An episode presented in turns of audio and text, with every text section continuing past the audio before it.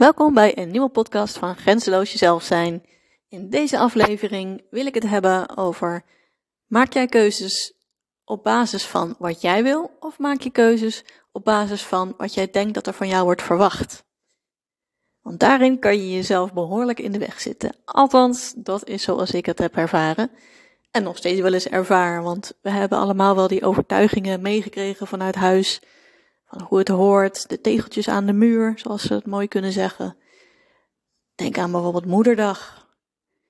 Ik heb voor mezelf heel erg de overtuiging gehad, op Moederdag dan ga je langs bij je moeder. Dat is zoals je dat doet.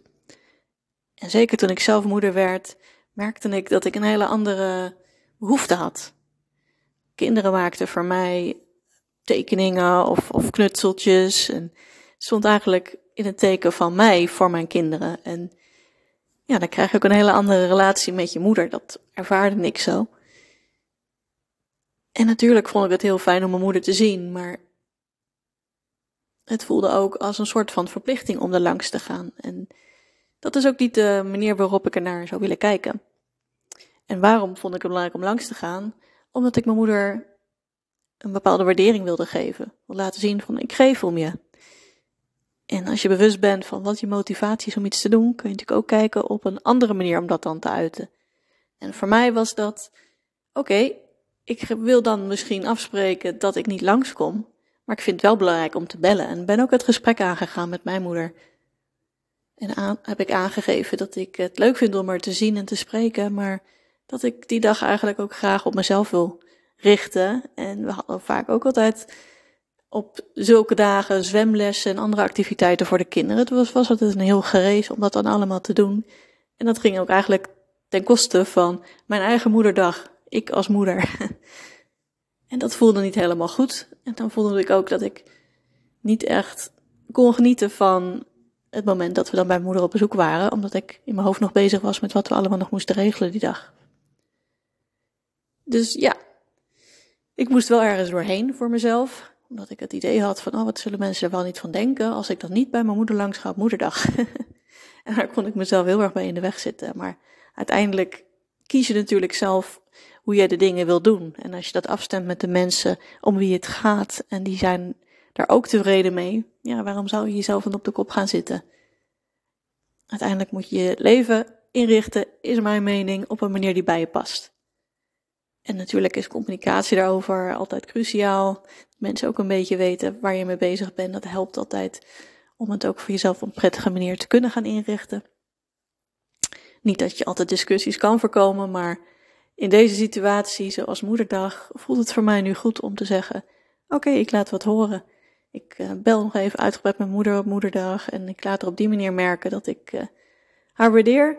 En dan zorg ik dat ik op een andere dag weer gezellig met haar bijklets dat ik er zie en dat werkt voor ons helemaal prima zo.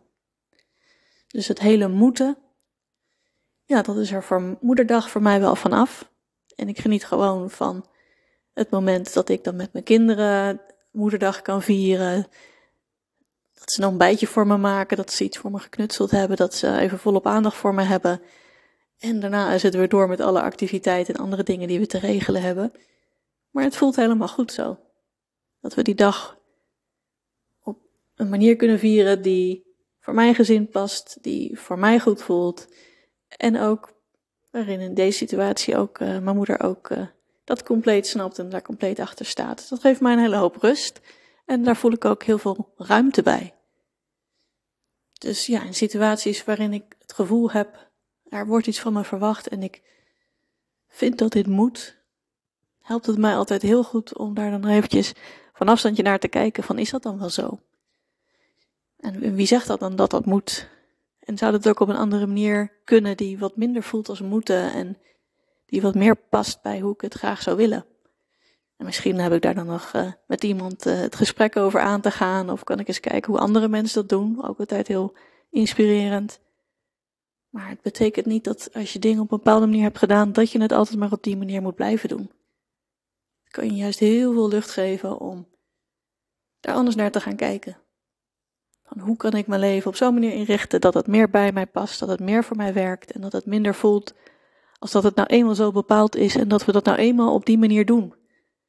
Want wie is we en wie heeft dat dan bepaald? Uiteindelijk maak je zelf de keuzes in je leven en kan je zelf daar aan het stuur gaan zitten. Om zelf de regie te pakken om je leven op zo'n manier in te richten dat het bij jou past. Uiteindelijk levert je dat ook heel veel energie op en heel veel ruimte en veel meer plezier in je leven als je het op die manier kan inrichten. Natuurlijk zijn er altijd dingen dat je denkt, nee, dat, dat uh, blijf ik wel gewoon zo doen. Maar dat zijn dan ook meestal niet de dingen die je enorm veel energie kosten of waarbij je misschien al wat dingen hebt geprobeerd.